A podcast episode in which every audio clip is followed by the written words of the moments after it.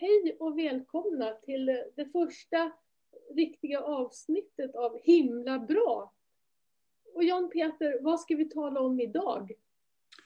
Ja, hej Ingmarie. Jo, ämnet ska vara om mamma Gud, vår himmelska moder. Det är ju lite aktuellt i, i feministteologin har ju liksom eh, väckt de här frågorna Ja, men det låter intressant. Ja, men berätta lite mer. Hur har du tänkt? Ja, eh, först kan det vara intressant tycker jag att jämföra olika religioner.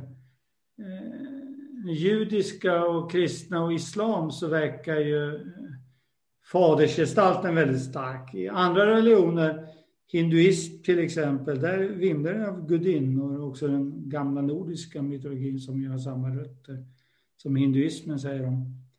Och det ligger bakom det där, man, man brukar ibland kalla judendomen för alla religionens fader och hinduismen för alla religionens moder.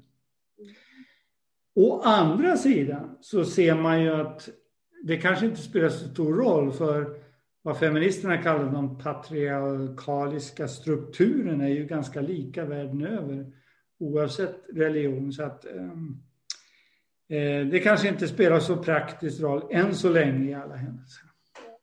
Fast jag vet ju till exempel inom katolicismen, där har man ju Mariadyrkan. Det, det, det, är liksom, det är inte underground, men i alla fall det finns ett starkt drag att folk vänder sig hellre till, eh, ja helt enkelt tillber Moder Maria och, och känner en större koppling till Gud genom det.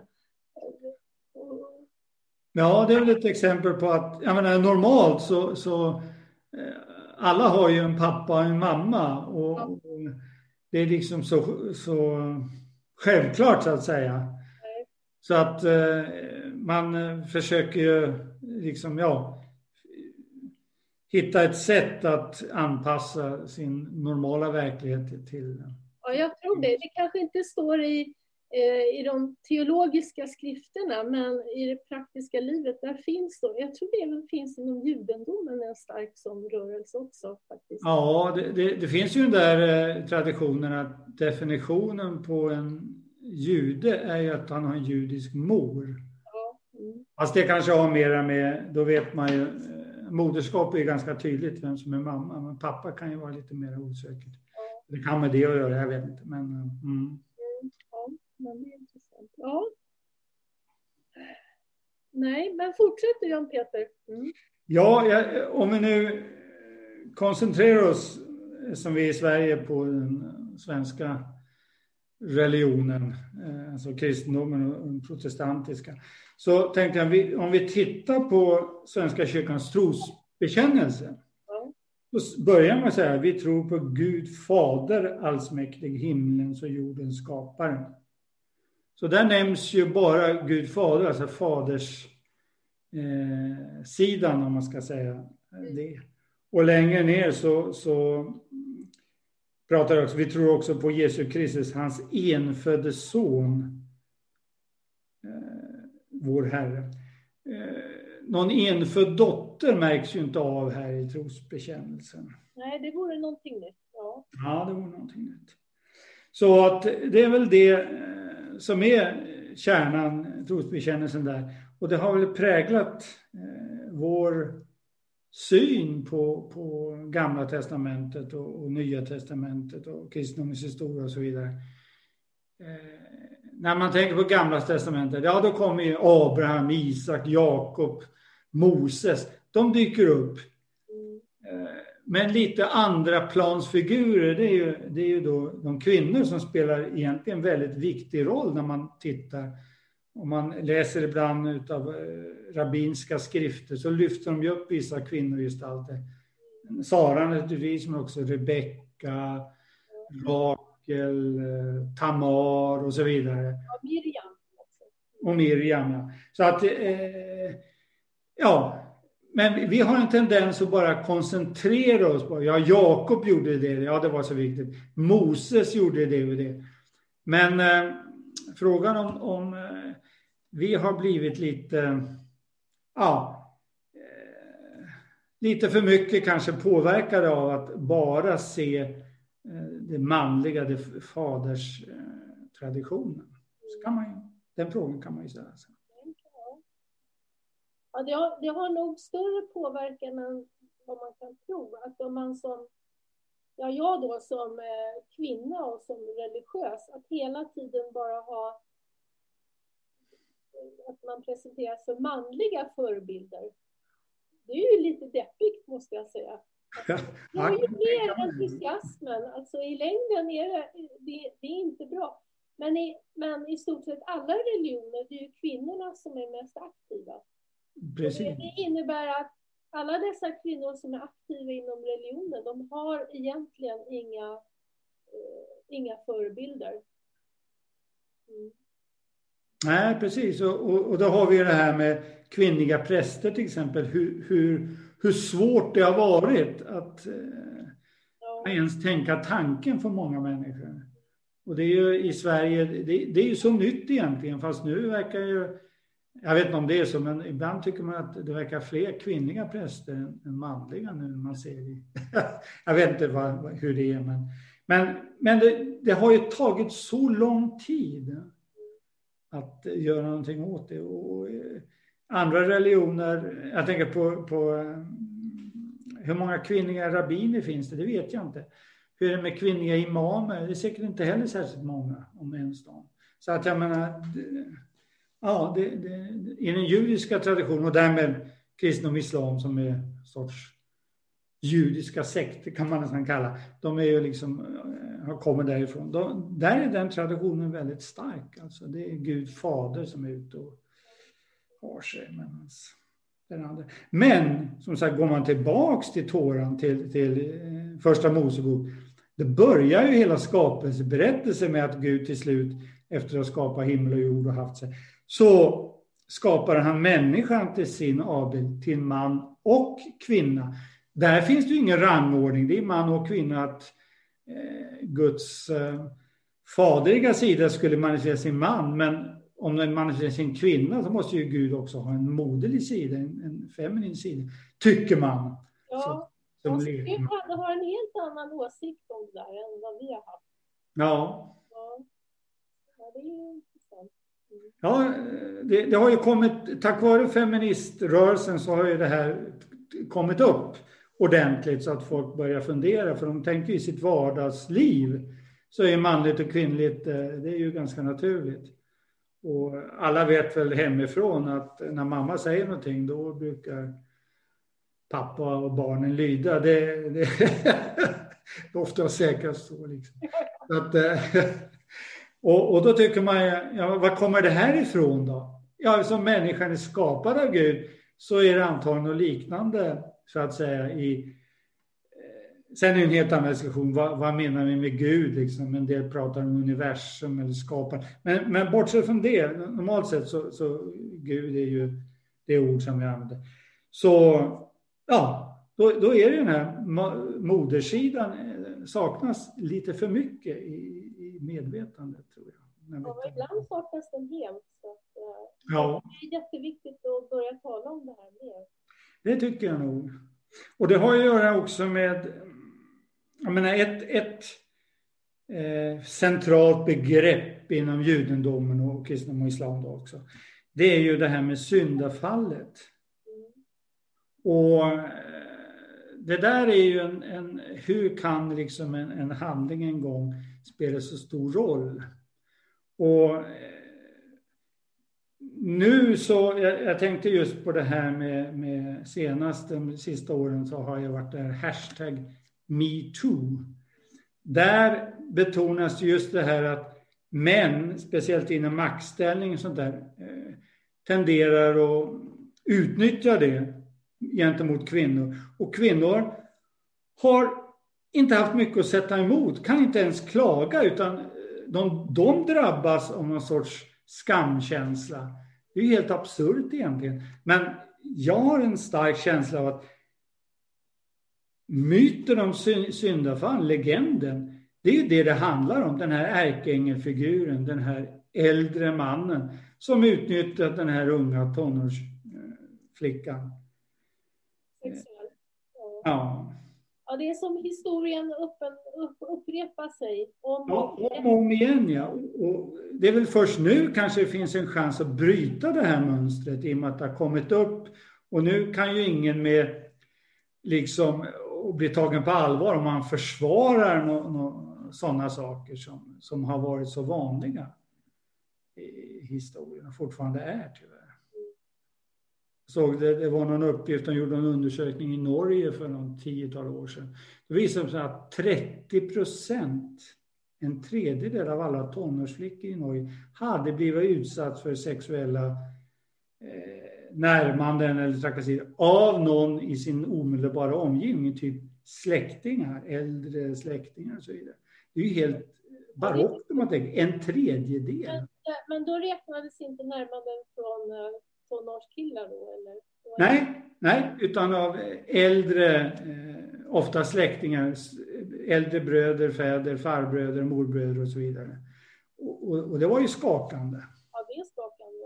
Ja, då kan man undra vad det är i Sverige. Det är förmodligen... Det är förmodligen för samma världen över.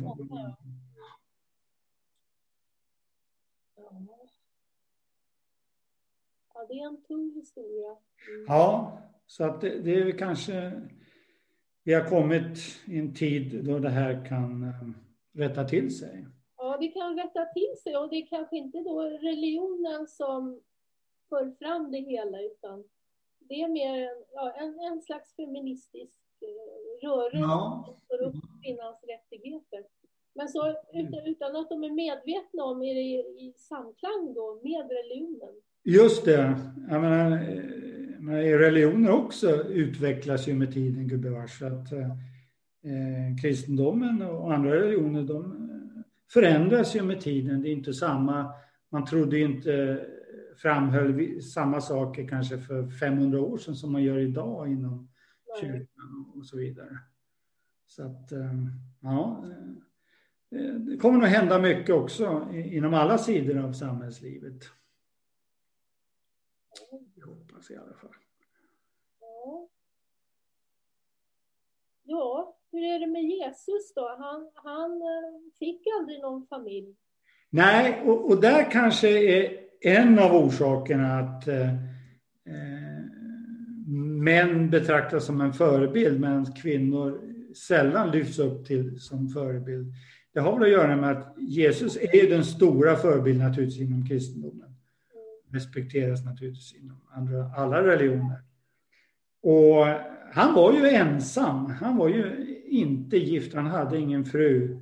Eh, det, det kom ju upp någon, något eh, evangelium för några år sedan. Men efter vad jag hört så skulle det vara ett falsarium där Jesus och Maria Magdalena skulle vara gifta. Eh, de hade naturligtvis, de kände ju varandra, det är klart. Men det där evangeliet lär ha varit en modern produkt, har jag hört jag vet eh, vetenskapare, forskare och så där har sista ordet i vad man kommer fram till. Men, eh, utan vi får nog konstatera att Jesus var eh, eh, ogift. Och, och, det har naturligtvis färgat eh, kristendomen. Man, man, har ju... Eh,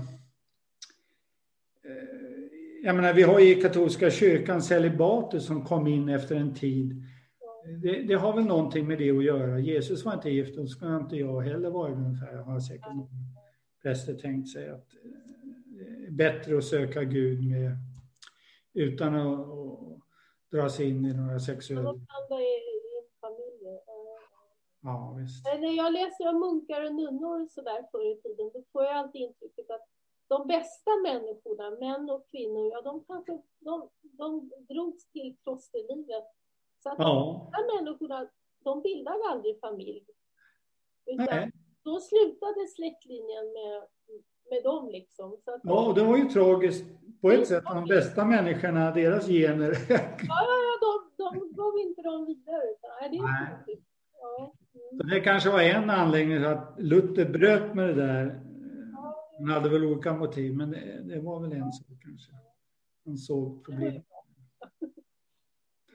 Ja. Eh, ja, så att eh, det, det, här är en väldigt viktig sak egentligen, förhållandet man och kvinna. Det är ju vi pratar om att kärleken är det högsta. Ja, det måste ju manifesteras eh, rent praktiskt så att säga. Och det är ju kanske de flesta skulle säga att föräldrakärlek, det, det är liksom universums kärna och det är liksom Guds signum. Men det kräver ju en pappa och en mamma. Så att eh, för att kärleken ska bli så krävs det en man, en kvinna och, och barn. Och, och, det är då föräldrakärleken uppstår med barnen. Så att, eh, eh ja, det är väl så alla, alla vet. Jag menar, alla föräldrar de känner ju att när, när de får barn, det då, då förändras livet och de upptäcker nya dimensioner i tillvaron. Och då får vi anta, var kommer det ifrån? Ja, det, det, är väl, om nu Gud har skapat den här världen och till man och kvinna och kärleken är kärnan, inte bara i Jesu förkunnelse utan i allting så går det tillbaks där. Då, då får vi nog eh, förvänta oss att Gud också är förälder till detta universum. Ja, men det, det, är nog viktigt att vi förstår det mer på ett teologiskt plan, att ta in de här nya, eller inte nya idéer, men det är rätt självklara idéer. Ja, det är självklart för, det är självklart för, för oss lekmän, så att säga. Ja, lekmän är självklart, ja. men eh, så det, dels är det viktigt, men eh, men sen hur, sen hur man ska genomföra det i praktiken, det är ju en sak. Ja, men det är väl det som pågår nu med, med först med kvinnliga präster och kvinnliga ärkebiskopar och sånt här. Då, då, då kommer den sidan fram. Men sen borde man ju kanske gå vidare också. Jag tänkte just på det här med i, i trosbekännelse, vi tror på Jesus Kristus, hans infödde son. Och då är frågan om, om Jesus då som, som eh, sägs i Bibeln att han är som en ny Adam, en sista Adam. Men var är då den nya Eva? Och, och där kommer det Guds enfödda dotter, det kan man ju liksom efterlysa lite grann. Ja. Och då tänkte jag också på ett annat del i, i trosbekännelsen i Bibeln. Man pratar ju om eh, återkomsten. Och då har man ju fokuserat på Jesu återkomst, den enfödde sonen. Men då, då en liksom highlight i Uppenbarelseboken som då ska ge en vink om framtiden, det är ju det så kallade Lammets bröllop där, där Kristi finner sin brud. Och då har vi det där bröllopet. Gud fader eh, manifesteras i Kristus och Gud moder i den nya Eva, eller man ska säga. Och när de gifter sig, det är då det hela kan ta en ny början. De första mannen och kvinnan var kanske inte så lyckade. De avvisade Gud kan man säga och kärleken tog en, en, en lite tragisk vändning. Man säger, ansluter till hashtag metoo. Det har dominerat och förstört mycket. Men det finns chans till en ny början och det är kanske ingen tillfällighet tror jag att hashtag metoo plötsligt dyker upp och börjar dominera världen och förändra samhället. I Amerika först, men i Sverige inte minst. Här. Till och med på arbetsplatser så tillsätter man liksom eh, kommittéer som ska granska det här och se till att det här kan försvinna.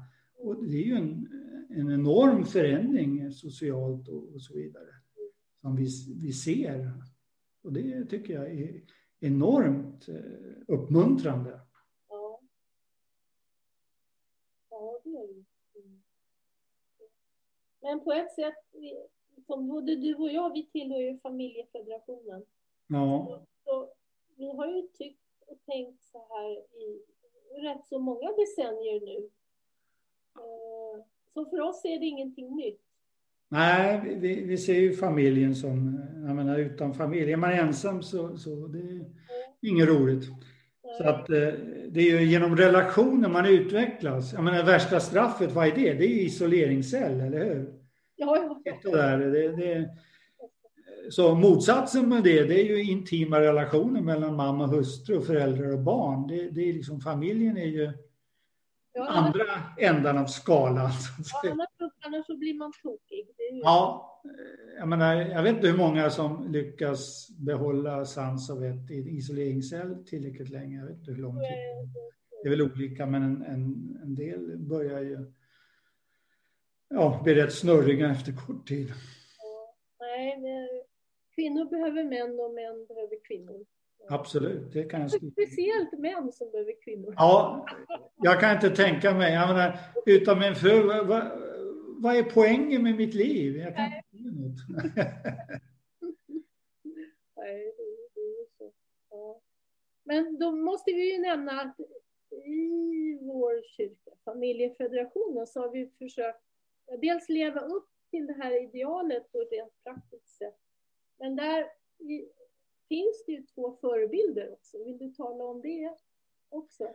Ja, alltså för mig personligen så har jag inspirerats eh, väldigt mycket sen min gröna ungdom utav fader och moder Moon. Som jag, I och med att jag var med rätt tidigt, jag menar från europeiskt mått mätt, eh, Korea, eh, där, där de kommer ifrån, paret Moon, där var de igång redan på 50-talet. Men jag gick med på 70-talet och har jag haft chansen att eh, haft lite mera personligare samtal och så vidare med, med fadermon och modermon. Eh, ja, för mig har det varit en stor eh, in, eh, heter det, inspirationskälla och se att oj, nu tar vi ett steg till här. Och eh, känt att ja, det, det, är min upplevelse och det står jag för så att säga. Så att, eh, ja, olika människor har väl olika erfarenheter och upplevelser. Men vi har väl upp, upplevt en slags uh, religion i förvandling som har gått framåt och som, ja. som har lett fram till det här begreppet den enfödda dottern. Att, uh, ja. till, till sist måste en kvinna och flera kvinnor, många kvinnor, stå upp för det här idealet. Ja, precis. Jag menar, Jesus var ju en förebild för alla män och, och, och, alla människor naturligtvis. Men eh, en enfödd dotter är ju lättare för kvinnor att följa efter. Jag menar, ja. Föreställer jag mig. Men, eh, jag, menar, jag, jag, tycker mycket om kvinnor, men, men det är lättare att dela sina ja, upplevelser, erfarenheter med män.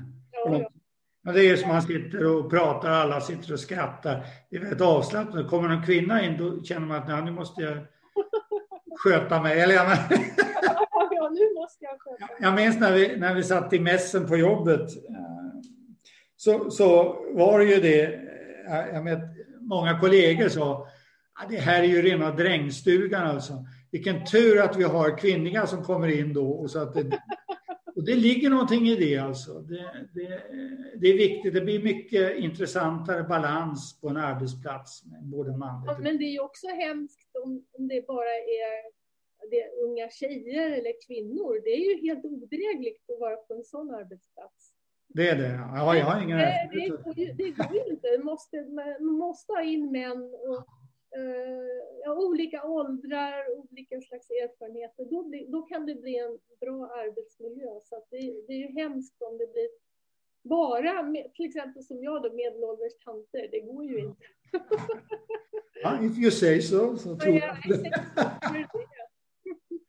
Men ja, Peter, ändå sitter du och jag här. Jag är kvinna och du är man. Ja, det är i alla fall någonting. Vi är inte gifta med varandra. jo, då, det, jag menar, harmoni det är de två som inte är precis likadana. Nej. Då, då blir det intressant, så att säga. Ja. Roligare. Men, men, eh, men jag tänkte som, som slutord, vi kan väl i alla fall enas att för, för dig och mig så har Fader Moons fru, alltså Jahan, hon har varit en förebild.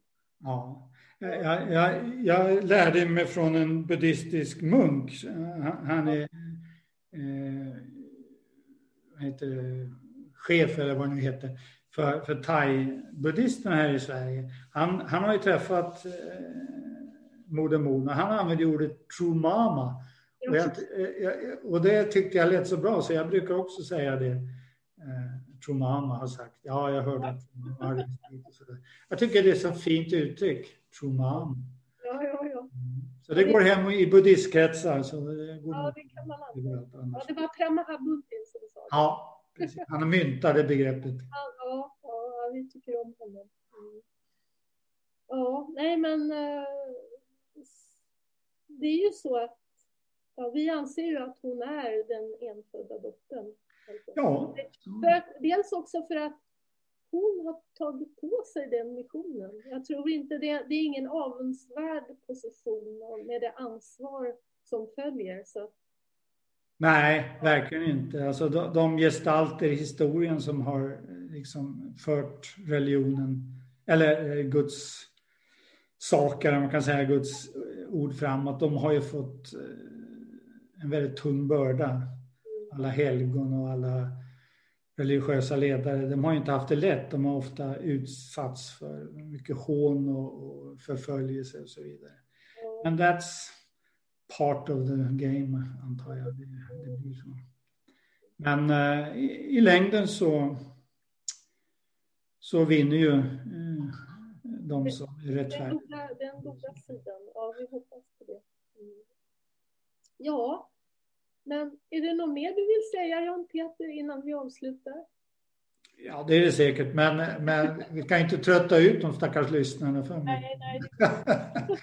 Var glada att de har hållit ut så här länge så att de hör oss. Ja, tack, tack för de som lyssnar fortfarande. Ja. Okej. Okay. Nej, men tack så hemskt mycket Peter för dina ord. Ja, tack Ingmarie för att du hjälper till. Ja. Så, så hörs vi nästa gång. Det gör vi. Ja, Hej då.